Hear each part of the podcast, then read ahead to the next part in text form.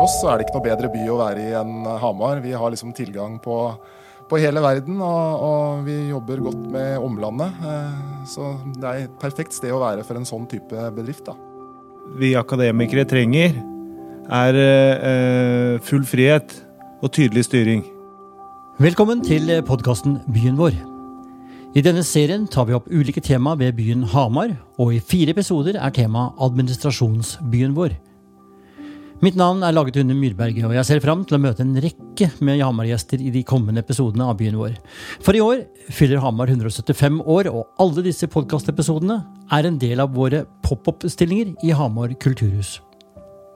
Dagens episode skal se nærmere på framtidas administrasjon og teknologiens betydning, men før vi starter denne podkasten er produsert av Storyphone AS, og dersom du tenker at dette er bra for byen vår, og har lyst til å være samarbeidspartner eller sponsor, er det bare å ta kontakt med oss. I denne episoden får du møte professor Atle Hauge fra Høgskolen Innlandet og direktør for data og teknologi i Kildegruppen, Håvard Røste. Episoden spiller vi inn på Park Hamar torsdag 1.2.2024, så her gir jeg min samtale med Atle og Håvard. Velkommen inn i framtiden da sitter jeg altså her på Park nok en gang. Og denne gangen har jeg fått med meg professor Atle Hauge fra Høgskolen Innlandet. Hei. Og så har vi da direktør for data og teknologi i Kildegruppen, Håvard Røste. God dag, god dag. Håvard, du er tilbake på gamle trakter, du. Det er helt riktig. Ja. Her i huset føler jeg meg hjemme, det må jeg si. altså. Ja. Så... Ta så Dra mikrofonen litt nærmere på deg, så alle ja. hører godt og tydelig at du er på hjemmebane. Sånn, der tenker jeg. Forrige jobben din var jo i Hamar-regionen Utvikling.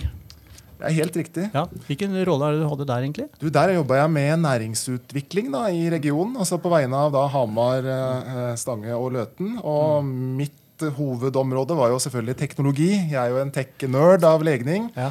Så jeg jobba bl.a. med å få på plass en næringsklynge som heter Vrinn. Som jobber med VR og AR-teknologi, som vår region har blitt et foregangsregion for. da. Ja, nemlig. Så du administrerte på en måte den prosessen? Stemmer, stemmer. Ja, ja, Få med gode krefter og dra i samme lag og koble på resten av landet og resten av verden. Ja.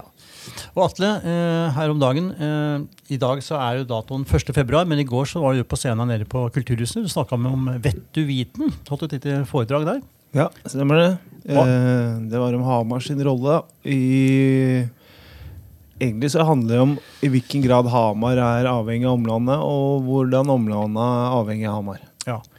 Og når vi nå har valgt tema administrasjonsbyen vår, umiddelbart, Atle, hva er, hva, hvilke tanker er det du gjør deg med Hamar som administrasjonsby? Nei, Det er jo interessant hvor mye sånne administrasjonshovedfunksjoner som fins her. Ja. Hvilke ulike, ulike, aktiviteter som på en måte Det er mye eh, administrasjon som blir ledet, eller eh, det blir leda herfra. da. Sånn ifra militæret via idretten, transport, infrastruktur osv. Det er mm. eh, Kanskje ikke alle vet om det, men det er jo ganske mye når du begynner å telle opp. Ja, Helse Øst så jeg var 81 000 ansatte. Ja. Helt spinnvilt. Ja. Eidsivating er her. Med lagmannsretten, da. Ja. En av seks uh, hovedseter liksom, i Norge. Det er her. Svært uh, juridisk område i forhold til med lover og regler. Og, mm. og du nikker, Håvard? Ja, nei, altså Hamar er jo en administrasjons...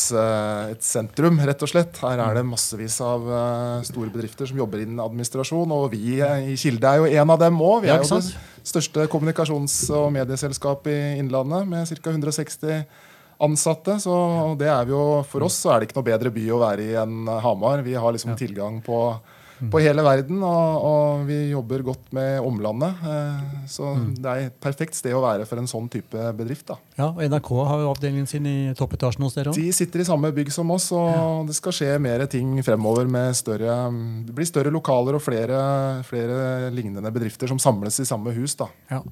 For lytteren så sitter de selvfølgelig nå veldig spente og lurer på hvordan skal vi komme fram til dette med framtidens administrasjon. Ikke bare snakke om at det er masse ting som skjer her i dag. Ja, hva håper si, Kan vi løftes først og bare si hva er administrasjon? Uh, har vi noen tanker om det? Kan vi kan dele? Noen refleksjoner? Jeg kan jo starte litt på det. Altså, jeg, ja. jo, jeg har jo jobba som i Hamar-regionapparatet. Det er jo det kommunale næringsutviklingsapparatet. Uh, og mm. klart, jeg tenker jo fort på ting som, som kommunale tjenester. Eh, ikke sant? Hvordan kan vi tilrettelegge for innbyggerne våre? på en best mulig måte. Det, det, å organisere alle mulige slags prosesser, da, gjøre det lett å være en innbygger, det er liksom noe av det første jeg tenker på. Men det er jo selvfølgelig òg for, for, det private og bedrifter og mm. hvordan vi rigger oss. Eh, vi skal, kan sikkert pense oss mer inn på framtida etter hvert, men, men, vi ser jo allerede nå hvordan massevis av prosesser kan automatiseres ikke sant? Og, og effektiviseres og gjøres på, på, smartere måte. Sånn at vi kan bruke tida vår på en mer nyttig måte enn vi har gjort før. da. Ja, det Være mer menneskelig, sånn at systemene tar seg av det andre. Helt riktig. Ja. Uh, du Datle, Uh, hvor går grensa mellom tjenesteproduksjon uh, og industri framfor administrasjon og tilrettelegging? Jeg vet ikke helt om jeg skjønte spørsmålet. Det, for med det var så jævla smart spørsmål! ja, det gikk litt over huet på deg. Rett over på meg. Jeg bare hørte suset. Nei, men det er, det er litt ute etter. Ja. Atle, det er litt liksom, Hvordan er tilrettelegginga for at folk kan jobbe i en bedrift? F.eks. med timeføring, mm, mm. beskatning, altså betale skatt, lover og regler. og Det administrative perspektivet for å legge til rette til at tjenesteproduksjon faktisk skjer. Ja, um det er som Håvard er inne på, da, at det er jo bare et verktøy. Den mm. Eh, administrasjonen er et verktøy for at folk skal få de tjenestene de ønsker seg. og Sånn, eh, sånn er det i kommunen. Mm.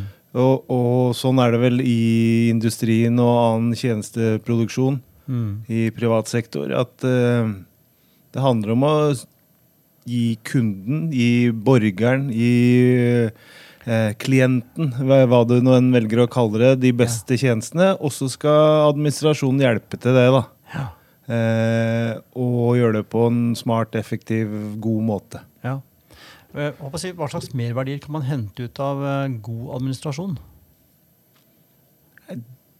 Hvis en tenker hele tida at kunden eller brukeren skal være i sentrum, så må den gode administrasjonen må være den som klarer å legge de forholdene til rette, slik at den produksjonen ut mot Eh, de som produserer, at de ja. kan få gjøre det uten at da, eh, Fokus på det, da. Ja. At du slipper å surre så mye med andre ting.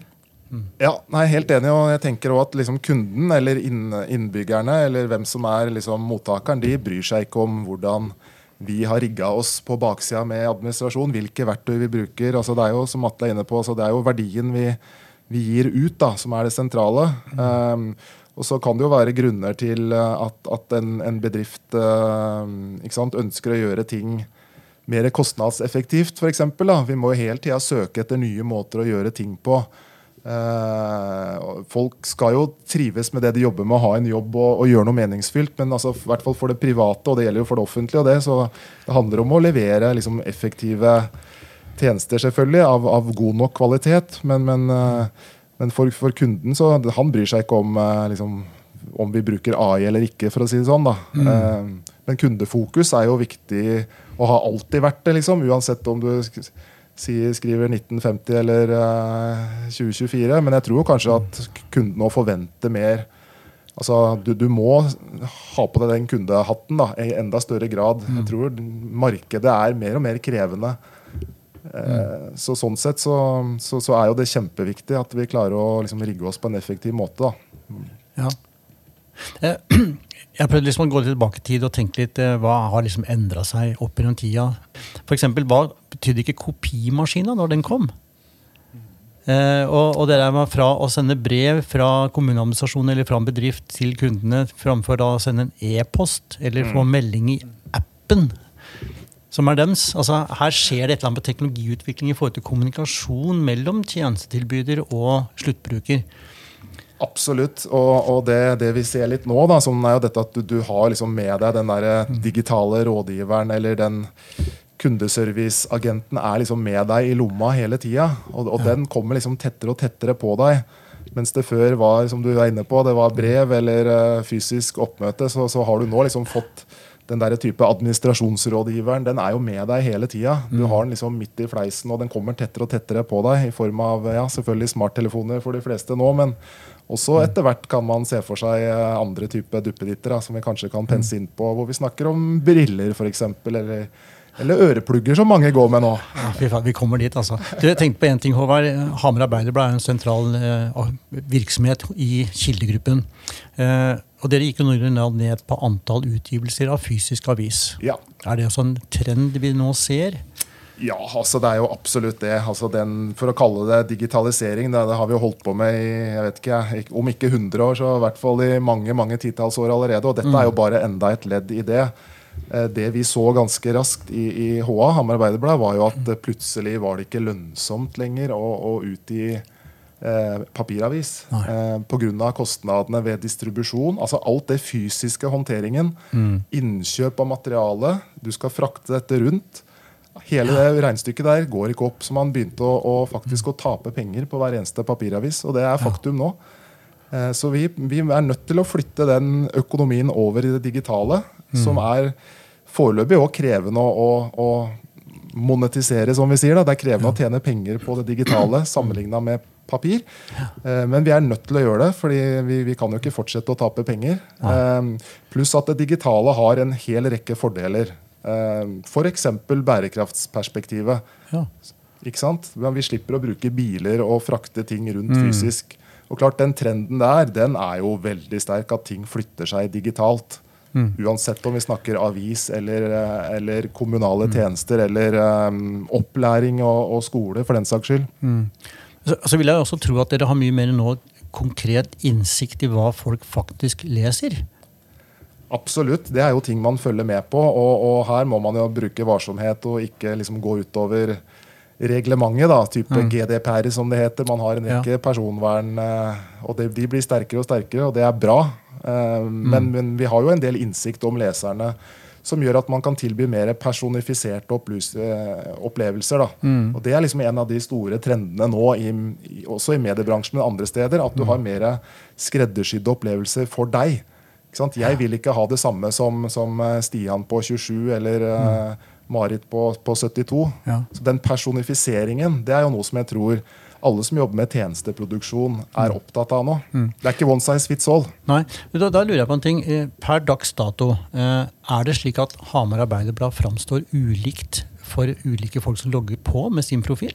Det, det kan gjøre det. Eh, foreløpig er det ganske ensarta. Du, du, møter stort sett den samme mm. forsida uansett hvem som logger seg på. Men ja. vi er i gang med å teste ut litt forskjellige varianter av overskrifter, av bilder, av formater. Ja. Eh, men dette er nok bare starten. Eh, jeg, min spådom er at det kommer til å være større forskjell fremover.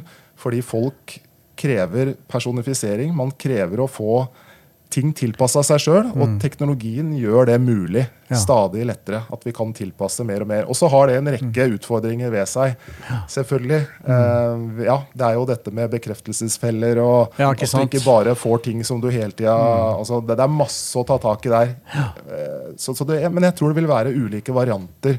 Mm. Noen foretrekker full automatikk og 100 personifisering. Mm. Så andre vil kanskje ha redaktørens eh, egen eh, anbefalte forside. Sånn som det har vært til nå, da, stort sett. Mm. Ja, for det, dette krever jo veldig mye av dere som jobber med redaktørstyrt medier. det å på en måte opprettholde verdien av, at vi betaler for en tjeneste dere får. Absolutt, og, og, det er et helt sentralt poeng. Og, og, det er jo kjempekrevende nå i disse tider òg, med dyrtid og alt som er. altså mm hvordan kan vi gi verdi for de 300 eller 400 mm. kronene du, betaler i måneden for, mm. for, lokalavisa. Så det som mange jobber med nå, er hvordan vi kan utvide det tjenestespekteret. Mm. Så, så, nå får du ikke bare nyheter lenger. Du får jo òg podkast, og du får video. Du får, ja, det kan være fordelsprogrammer osv. Så, videre, og så, videre. så det er jo noen man jobber med å hele tida utvide tjenestetilbudet, mm. altså porteføljen. Så, så det, Man må ha flere bein å stå på, rett og slett. Mm. Det, det, tror jeg ikke det gjelder for mange, ikke bare i mediebransjen. da. Mm. Du, Når du kom inn i, i, i Kildegruppen, Håvard eh, Vi snakker nå om det med Utgangspunktet for spørsmålet mitt er at vi snakker nå mye om produksjon av produktet. Eh, men når du kom inn i Kildegruppen, var det også behov for å se på administrative verktøy, og hvordan man jobber administrativt uh, i, ulike selskaper eh, på tvers av, men eid av samme gruppe. Var det noen sånne type grep som du måtte inn i og titte nærmere på? Definitivt. altså, Og det der må jeg si, det er jo en sånn pågående Man blir jo aldri ferdig med det. altså type sånn, Hvilke samhandlingsverktøy skal vi ha i en organisasjon? Mm. Hvordan skal vi jobbe med utveksling av eh, filer, av dokumenter? Hvilke systemer? ikke sant? Det er jo en jungel av systemer. så Dette er jo veldig sånn klassisk. Og det har vi jobba masse med i, i Kildegruppen, men vi er ikke ferdig, vi er ikke mål med det. Men vi ser jo absolutt fordeler av å være på en, en mm. felles plattform. Eh, samtidig som det heller ikke skal få hindre innovasjon og utvikling. ikke Vi, vi, må være forsiktige og ikke komme med den der konsernhatten vår og si at eh, dere må bruke akkurat de samme verktøyene som vi har brukt i alle år. Så, så jeg er veldig ja. for å balansere. Vi må ikke drepe innovasjonen med å komme med den der, mm. Kall det den corporate-hatten, da, i mangel av et godt norsk ord. Eh, ja. Konsernhatten. Ja. Åssen er det hos dere, Atle? Du sitter jo på høyskolen. Det er jo flere avdelinger og svært, eh, svær bedrift det der òg?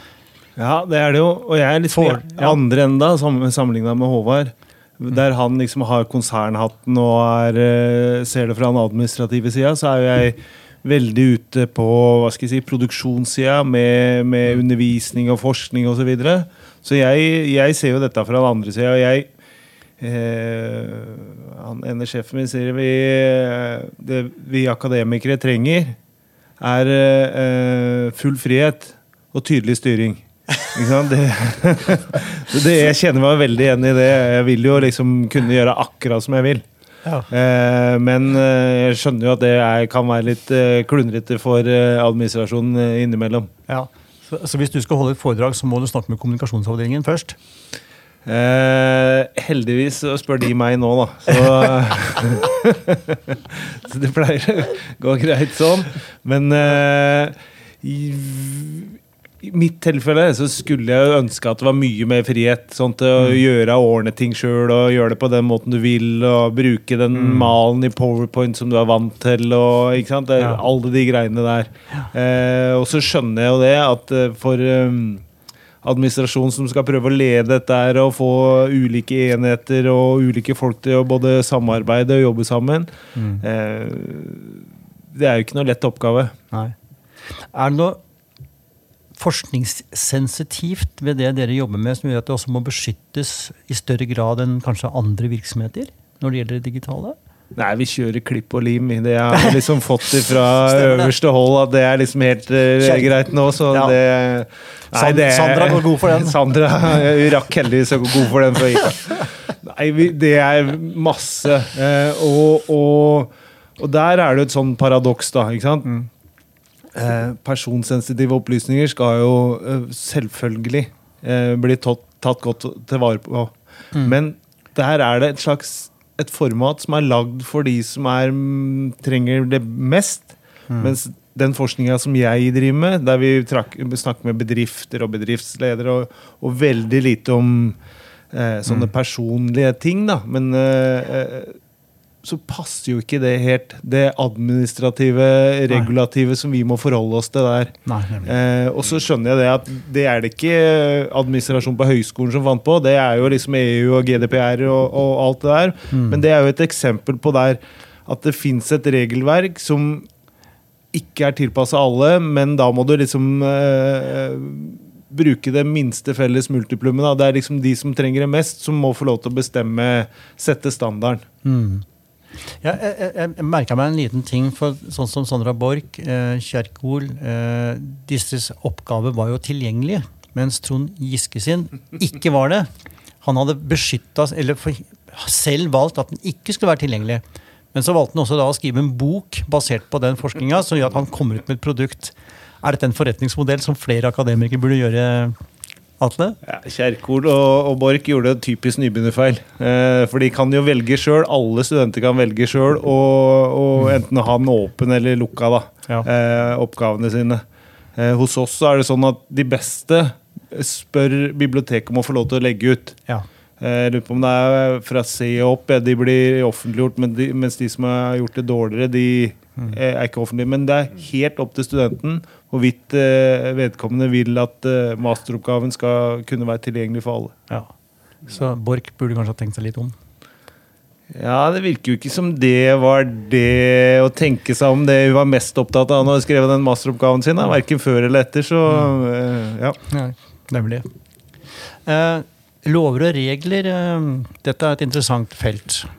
Er det, dere er sikkert også underlagt en god del eh, både næringsvirksomhetsmessige, økonomiske rammer, administrative, an, ansatt politikk. Absolutt, absolutt. Og det er jo, jeg synes mye av det Atle er inne på her, er veldig sånn interessant. Da, dette med liksom den balansen. Man må jo følge lover og regler, selvfølgelig. Eh, og så er det mye som er i grenseland òg. Eh, og, og, eh, som jeg var inne på, altså jeg er veldig opptatt av at vi ikke liksom lar oss begrense for mye. Ja, vi skal følge regelverket, men altså, den der balansen, da. Det er en sånn evig kamp mellom innovasjon, forretningsutvikling og liksom rammer og regler. Det er noe som er lovbestemt. Det, sånn er det. Det må vi følge. Mm. Og det er stadig mer. Um, for en bedrift som Kilde, da, som har en viss størrelse, i hvert fall, uh, så, så, treffes vi av veldig mye nå. Både selvfølgelig innen bærekraft. Et helt hav av, av ja. krav. Og det er bra. Uh, og, og, også på sikkerhet, cybersikkerhet. Nemlig den biten der, ja. Den biten der er også en veldig voksende. Så alle som jobber liksom med administrasjon, og i hvert fall de som er av en viss størrelse, da, får en rekke krav nå til rapportering. På linje med at man må gjøre revisjon og sånne ting, så må man òg gjøre det på, på, bærekraft og på cybersikkerhet. Da.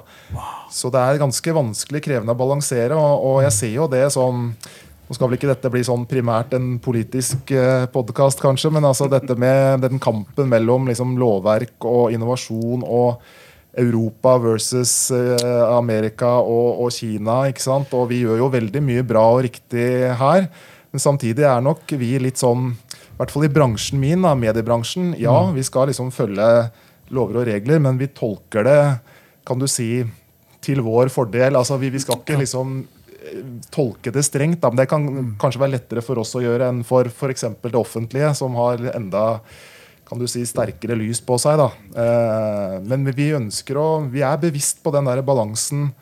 Og lovverket henger jo etter. ikke sant? Sånn har det jo alltid vært, og sånn vil det alltid være. Nå bare ta de nye AI-reglene som kommer fra EU. Det, er, det, går jo fort to år til, hvert fall, før de er liksom ute i samfunnet her. Og om ja. to år, hva har ikke kunnet skjedd da på teknologifronten?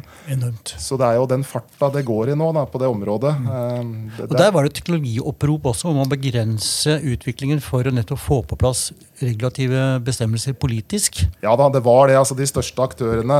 Jeg må si jeg humra litt i skjegget. Nå har ikke jeg så mye skjegg, men, men i hvert fall når jeg så det kom, da, så tenkte jeg litt sånn Ja, ok. Eh, på bakrommet så sier alle at eh, jeg ønsker å være først. Jeg ønsker å komme lengst. Men mm. er det liksom egentlig en sånn litt sånn PR eh, Jeg fikk litt den følelsen, da. Ja. Sånn, for ingen, ingen, kan bremse den Altså, mm. dette løper. Noen mm. gjør dette her uansett. Ja. Så eh, litt sånn falsk eh, ja. Eh, på en måte varsku, da, for, ja. for, min del. Du, bare for å ta raskt for lytteren sin del. Uh, hvis man f.eks. går på enten Aftenposten, VG eller NRK, så ser man nå at det har dukka opp oppsummering av saker som har blitt gjort med OpenAI ChatGPT, og hvor det er godkjent av journalisten.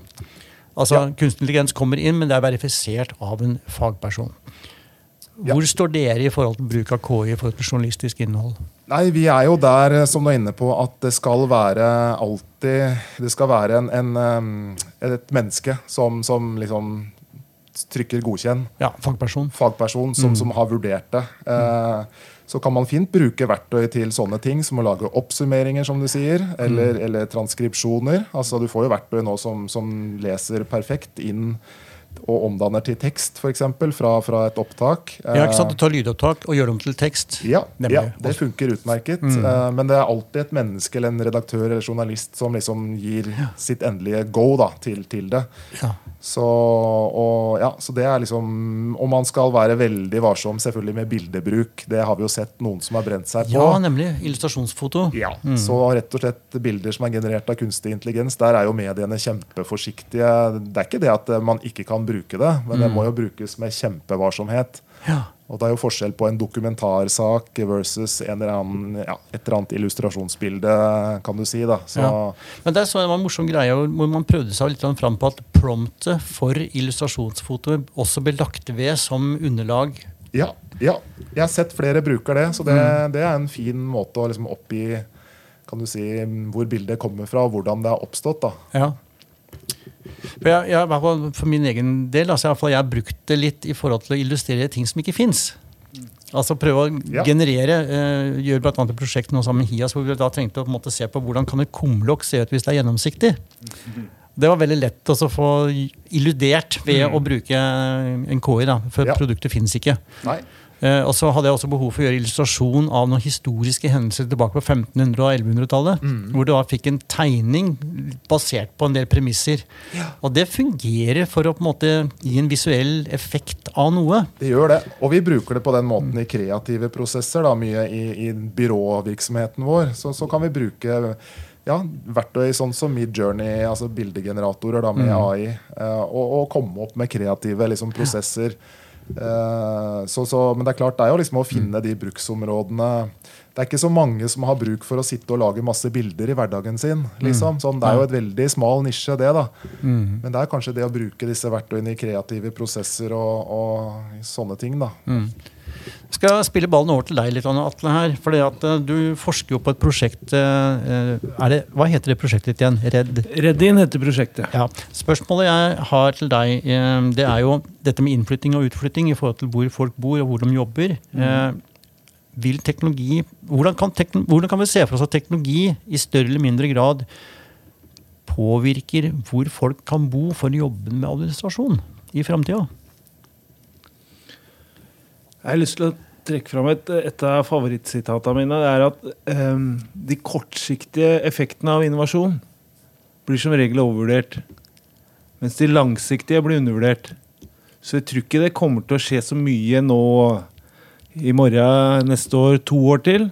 Men si om fem år, da, når det er liksom en ny generasjon med folk som jobber i administrasjonen, mm. eh, som har blitt ansatt, da har de kanskje hatt det i forhandlingene sine at uh, jeg eh, vil gjerne jobbe hjemmefra i to dager.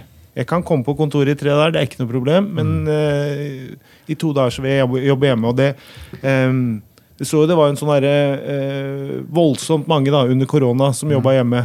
Og så var det noen bedrifter som fikk ordentlig backlash på det. at Det funka ikke, så de var superstrenge på å få de tilbake på kontoret. Mm. Men jeg tror den der hybridløsningen Eh, og spesielt når det er flere og flere som jobber med PC-en. da At ja. det er liksom det som er verktøyet. Så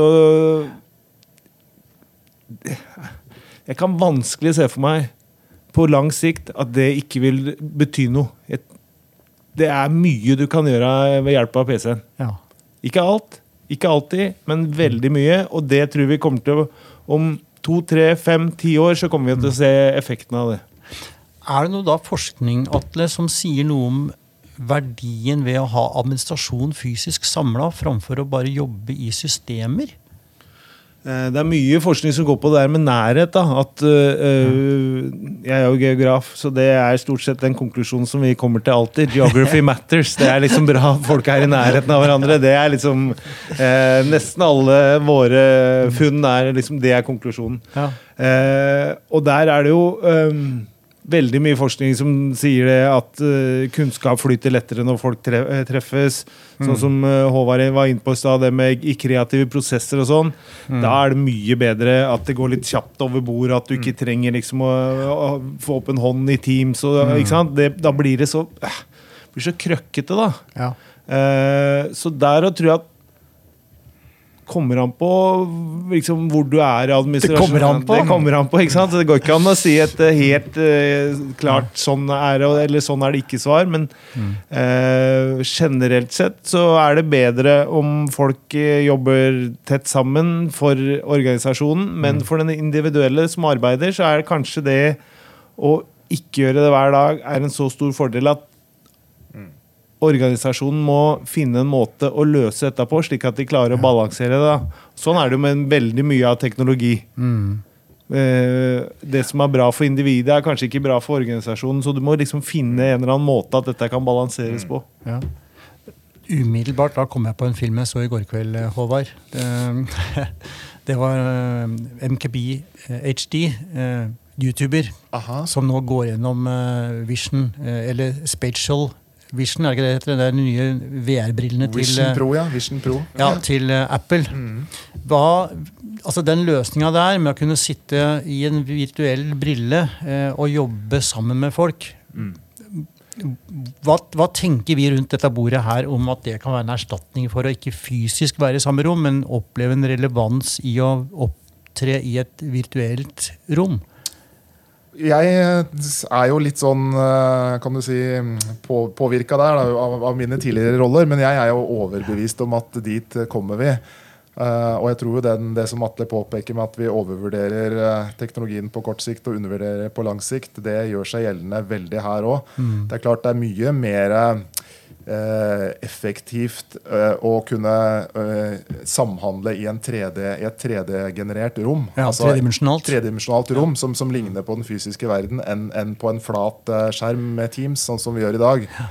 Så, så, jeg er ikke i tvil om at det, det vil være en del av, av framtidas uh, arbeidsliv. At, at, vi også kan møtes virtuelt. Og jeg tror som Atle er inne på at vi kommer aldri tilbake til den tida eh, før eh, covid, da, hvor liksom videomøter og den slags var jo noe veldig ja, gresk, som, som mm. de færreste holdt på med. Det var de mest ihuga nerdsa. Ja som drev med det. liksom. Altså, mm. Dette har bare skjedd på tre-fire år nå, så kan, kan, alle det. Så, så, gjør alle det, egentlig. Mm. Og, og ikke, hvor er vi ikke da om fem eller ti år? Altså, det er jo mm. nesten umulig å forestille seg. I hvert fall når man nå legger på den utviklingen med, med tilgjengelig datakraft. da. Ja. Den andre loven er jo det som heter Moores lov. Hvor du liksom, litt sånn tabloid sagt, for hvert, hvert halvannet år så dobler datakraften seg. Ja. Tilgjengelig datakraft og hvilke mm. muligheter det gir. Altså, det er, står den seg fortsatt, den loven? Den står seg fortsatt ja. og har stått seg siden jeg vet ikke, 70-tallet eller noe sånt. Ja. Og, det er jo det som nå gjør at 1965. Ja, 1965 til og med. Ja. ja. Så det er vanskelig å forestille seg hvor, hvor mye datakraft vi får tilgjengelig. Da, ikke sant? Mm. Og, men, men, vi har diskutert mye dette i Kilde òg, med, med, mm, hjemmekontor og ikke. og, og vi tenker at det er vanskelig å, å liksom, uh, se bort fra den muligheten. At, at, vi kan ha flinke folk som sitter i Engerdal eller mm. ja, Singapore, for den saks skyld, ja. som jobber for oss. ikke mm. sant? Er ikke dette ganske spennende i forhold til den forskninga di, Atle? Med inn- og utflytting og verdiskaping, og prisen på hvert hode i forhold til reell verdiskaping? Det er ekstremt, ekstremt interessant, så klart.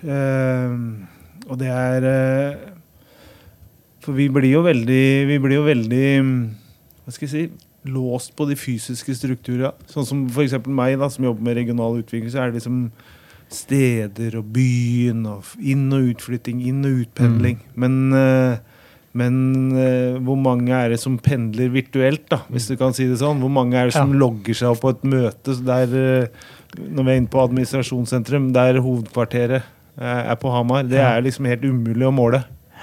Eh, så, og det, der må vi liksom finne noe verktøy noe, eh, vi, så vi kan se på det òg.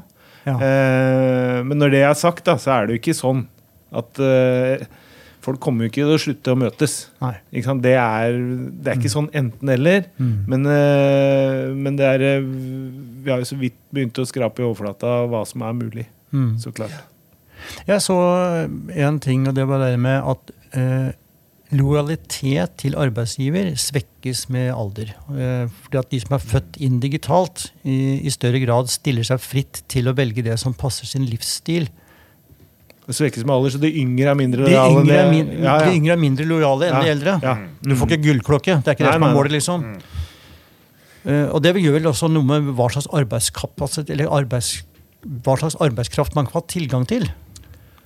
Det er at folk bytter jobb veldig viktig for innovasjon og kunnskapsspredning. Ja. Det er noe av liksom det beste som kan skje. Da. At folk eh, bytter, uh, bytter, jobb. Ja. Eh, litt For de som mister en flink, så er det helt uh, håpløst, så klart. Men åssen mm. den derre kunnskapen blir delt med For mesteparten av kunnskapen sitter jo i huet til folk. Ja. Så når én går fra én jobb til en annen mm fins ikke noe bedre kunnskapsspredning enn det. Du kan ha møter, og du kan ha uh, det ene med det andre, men det blir aldri det samme. Mm.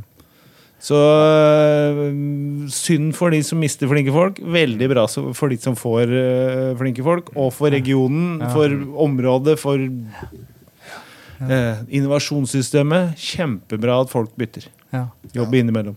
Håvard? Jeg er helt enig i det. og Vi ser jo også et skille der. sånn sett, eh, Det går jo selvfølgelig mye på alder. da, Jeg skal ikke si at det er det eneste, men altså, ta, ta de over 50, da, bare for å sette et sted. Mm. De er jo ikke liksom oppvokst med å kunne jobbe hybrid, kunne jobbe fra hjemmekontor eller hytta eller utlandet eller hvor du er. Så vi ser jo klart at de yngre arbeidstakerne hos oss er jo mye mer pro den fleksibiliteten, og egentlig òg krever den fleksibiliteten. Altså, Hvis vi hadde godt kommet med et krav om du skal møte på jobb åtte hver morgen, gå mm. hjem fire, liksom. Altså det, da hadde vi mista nær sagt alle under 45, eh, i hvert fall. Altså. Da, da, så, så det, det, er liksom et krav. Men klart det er jo um, kulturelt og sånt å liksom klare å få til den samme driven og viet. Mm. Det, det, er ikke like lett det som Atle er inne på, når man sitter rundt omkring og er spredt. og så vi, vi, prøver jo å liksom lage en balanse, men da tenker vi at det mm. kontoret, det stedet der vi møtes, det må være jæklig bra. Altså, det må ja. være et kjempemessig. Vi skal ha kjempegod kaffe. Vi skal liksom ha et kult sosialt Det skal være mm. muligheter. Det er et sted hvor du liksom ønsker å oppsøke. Da. Det er det vi prøver å få til. og klart Vi må investere masse vi i, i oppmøtestedet vårt for at folk skal ønske å komme dit. Mm. det er litt det vi prøver på. Liksom heller nudge folk litt, som det heter, da, enn å sette liksom krav om at sånn og sånn, og du skal være der da og da. For det er litt gammeldags uh, mm. egentlig i dagens arbeidsliv. Altså. Ja.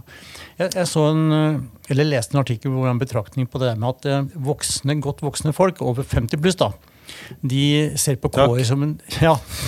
ja. for du ligger rett under, du. Jeg er rett over. Så jeg, ja. At jeg ser meg sjøl som godt voksen, det syns jeg var spark på leggen er ufint. ja, Du får tåle det. Jeg nærmer meg 60. Ok, greit. Ja. Eh, men, men, eh, men det, det, jeg leste, da, det var at eh, de som har gått voksne over 50, da oss, Atle, i forhold til Håvard, som er en ungkalv her. historie.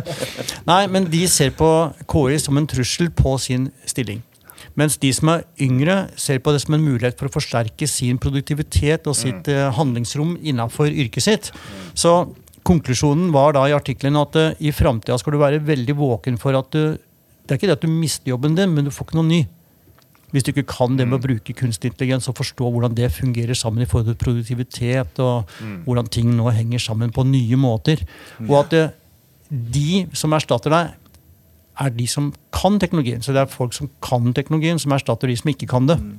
Mens de som da er voksne, over 50, er gjerne er beslutningstagere og mm. proteksjonistisk beskytter seg mot det. Og Her ligger det en gnisning i forhold til implementering av teknologi. Og det nikkes rundt bordet. Mm. Nei, det igjen da, et sitat som jeg ikke husker hvor, hvor jeg har fra, men det er at du kommer ikke til å miste jobben din til KI. Du kommer til å miste jobben din til en som kan KI. Ja. Mm. Kan bruke det som verktøy. Mm. Det tror jeg er Det tror jeg stemmer, da. Ja, jeg er 100 enig. Og, og, og, det blir, altså det å mestre disse KI-verktøyene, det er liksom som å, som å mestre um, tekstbehandling. Eller altså det er liksom å lære seg å bruke mail og skrive brev på en PC, holdt jeg på å si. Altså det er sånn mm. helt basic. altså Du blir jo fullstendig avkobla hvis du ikke ganske kjapt liksom får dette inn i fingrene nå. Hvordan du kan det som kalles å prompte eller instruere disse systemene på en effektiv måte. Og, og, nå blir jo disse funksjonalitetene òg tilgjengelig i alle mulige verktøy rundt oss. Så, mm. så alle mulige sånne AI-verktøy kommer jo nå ut i ting som, som i Word og Excel og Office osv. osv. Mm. Så, så, der har jo hver og en for så vidt et ansvar for å oppdatere seg. Men det er jo også selvfølgelig et arbeidsgiveransvar å, å, å la folka sine få både rom og tid og mulighet til å, til å lære seg eh, i hvert fall en sånn basic nivå av dette her. Mm. Um, og så er det jo veldig mange nivåer av AI. ikke sant? Det er jo det er jo en ekstrem hype nå. Det vet vi jo. Det er liksom chat-GPT. Jeg tror det var noen som sa det. Jo, det var vel hun Silvia Ceres, en sånn teknologirådgiver eh, som ha besøkt Hamar mye på ulike konferanser. Hun sa vel det at nå ser vi ikke eh, AI-skogen for bare chat-GPT-trær. Altså, det er liksom chat-GPT, og det er det, det som er hypa opp. Men det er jo så veldig mye mer enn det. Mm. Når det gjelder å bruke systemer altså Alt under panseret da, som du ikke ser i en virksomhet. Der er det masse vi kan eh, både automatisere og mm. robotisere. og Det kan være ting som å mm, attestere fakturaer, f.eks. Mm. Det er jo ikke sånn veldig sexy AI, det som du hører om, men, men mm. det kan utgjøre stor forskjell for en bedrift. da. Ja. Rasjonalisere en del prosesser og arbeidsoppgaver. Ja. ja. ja. ja. Veldig spennende. Jeg, selv om vi nærmer oss slutten, så har jeg likevel bare lyst til å bare kaste inn en liten ting. og det er jo er det ikke egentlig ganske interessant at en av Europas største datasentraler ligger oppe på Heggvin? Jeg syns jo det er veldig interessant, og jeg tror ikke helt folk har skjønt hvor stort det er. Det, det tror jeg vi kan si. Altså, det er jo, ja, som du sier, Nord-Europas største datasenter. Ja. Uh, og datasentrene er jo helt sentrale i, i, den digitaliseringen vi holder på med. Da, ja, for Det, det drukna litt i den TikTok-diskusjonen fram og tilbake. Men verdens mest voksende underholdningsplattform, TikTok, har sitt hovedlager for Europa ja. på Hamar. Løten. Er det de som har leid seg inn der de neste åra, og så skal jo det datasenteret stå der sikkert i 50 år, uh, hva vet jeg. Men, ja. men uh, men det er klart, uten den type datasentre så får vi ikke til den digitaliseringen og alt vi har snakka om her, egentlig, med at folk jobber hjemmefra. Og, mm. og, dette har jo også med samfunnssikkerhet å gjøre. ikke sant? Vi, ikke sant? vi trenger jo hvis, hvis, alt dette her ikke funker lenger mm. altså, Jeg vet nesten ikke hva jeg skulle gjort jeg, hvis jeg ikke fikk tilgang til eh, mailen min eller mm. uh, Teams eller hva det måtte være. Altså, mm. ja, så vi er, jo, er jo, vi er jo avhengig av disse tjenestene. Ja. Jeg, jeg synes også på et veldig interessant på et interessant vis altså plasserer det på en måte Hamar veldig sentralt i Europa i forhold til det vi nå som står foran, med den digitale framtida, hvordan det digitale blir en del av vår virksomhet og våre liv.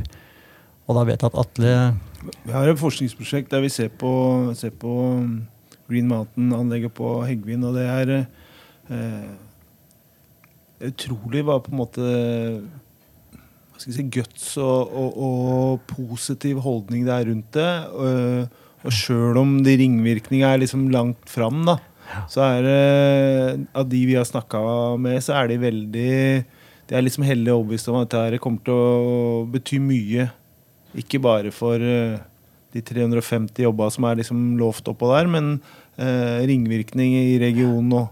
Men uh, det er jo sånne store megaprosjekter som på en måte ikke har levert òg, så det blir jo spennende å se eh, om Hamar og Hamar-regionen har lært av andre sine feil. Det kan synes sånn eh, fra der vi står, i hvert fall. Det ser i hvert fall ut som at eh, datasentre er viktigere enn batterifabrikker. Per nå. Ja, det var jo Biden det som skulle ha batterifabrikker hjem igjen. så det, ja. Ellers hadde det vel vært flere batterifabrikker her. Men du ja. ser jo hvor skjørt sånne ting er. da. På, I Mo i Rana så var det bygd. Mm. Så De skulle bare inn med maskiner og begynne å produsere. Og så kom det en ny lov i USA som gjorde det mye mer fordelaktig å produsere der. Og da står det bygget tomt nå. Det er helt ufattelig. Mm. Men uh, sånn er det med storkapitalen. Ja. Mm. Helt avslutningsvis, etter en så spennende uh, samtale, er det noe som framtida deres uh, Er det noe dere er helt sikre på kommer til å skje i framtida? Som dere har lyst til å dele med lytteren og meg? Jeg kan kaste meg på først, ja. Så jeg, ja. jeg, er, jeg velger meg dette med at den fysiske nærmiljøet vårt, eller den fysiske verden, den kommer til å smelte enda mer sammen med det digitale.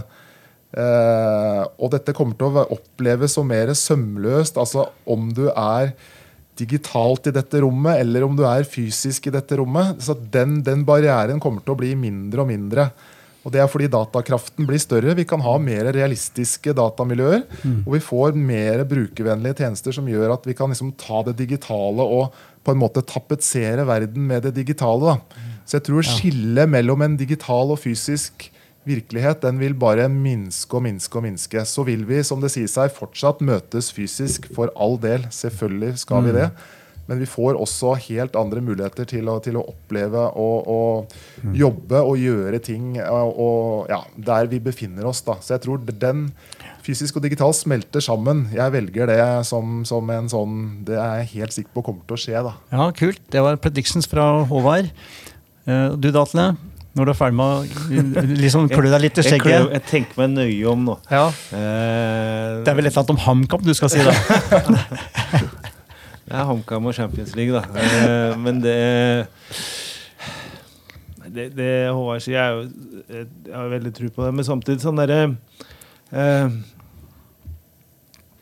jeg tror jo det digitale og, alt det der Selvfølgelig blir vi mer blir, blir vi mer på en måte mm, eh, omslutta det, at det blir mer sømløst inn i livet vårt. Men jeg tror eh, Jeg er ganske sikker på at vi får en reaksjon òg. Det er flere og flere som melder seg ut. Enten hele tida eller deler av tida. At du trenger en ferie. da. Mm. Eh, jeg tror det kommer til å bli mer Vi ser mer av det. Mm. Eh, og så tror jeg kanskje det blir enda større forskjeller på de som er med, og de som ikke er med. Mm. De som på en måte får til det der, og de som ikke får til. Ja, ja interessant. Jeg har lyst til å kaste inn en lite begrep for min egen del. Eh, og det er noe som jeg har kalt det siste året for digital integritet. Det å kjenne på sin menneskelighet i avgrensning mm. til teknologien. Sånn at du ser hvor grenselandet går mellom en fysisk eksistens i ditt liv på dine premisser med dine valg, framfor at du blir pådytta eller anvender en tjeneste. Og det skjer så fort som at du bare løfter opp mobiltelefonen og ringer noen som ikke er til stede ved siden av deg. Mm. Så uh, er du i ferd med å gjøre noe med integritet. og mm. det, det, tror jeg er viktig. da. Eller motsatt. da, At du sitter og er med noen, og så sitter du og mm. peller på telefonen din i, i stedet for å være ja, med i det møtet. At, det, at du ikke er til stede. Ja, så sånn eh, Digital folkeskikk er vel kanskje noe som vi må lære oss eh, i enda større grad enn det vi har nå. da. Ja, den er god. Det er gode, gode innspill. og Vi kunne hatt en egen podkast om litt sånn der, eh, ja, både digital folkeskikk, og det er jo under utvikling, selvfølgelig, eh, men, men også dette med hvordan man tar kontroll på sin egen digitale tilstedeværelse eller ikke. Altså, for du må ta kontroll på det, ellers så blir du, du drukner til slutt. Så dette tror jeg er et eget tema vi kunne snakka om. Og det gjør jeg. Jeg kommer gjerne tilbake. Jeg tror vi kommer til å ses igjen, karer. Så håper jeg at dere lyttere også syns det har vært interessant å høre på oss i faktisk tre kvarter. Eh, og så er det flere episoder der hvor du fant denne episoden, og så høres vi i neste episode. Takk for praten, karer. Tusen takk. Takk. Takk for at du lyttet på denne episoden av vår podkast Byen vår. En stor takk til Atle og Håvard for deres innsikt og tanker om dagens tema.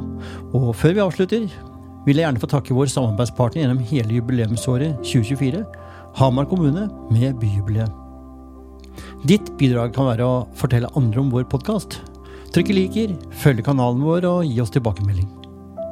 Denne podkasten er produsert av Storyphone AS, og dersom du tenker at dette er bra for byen vår, og har lyst til å være samarbeidspartner eller sponsor, så er det bare å ta kontakt med oss. Vi høres i neste episode.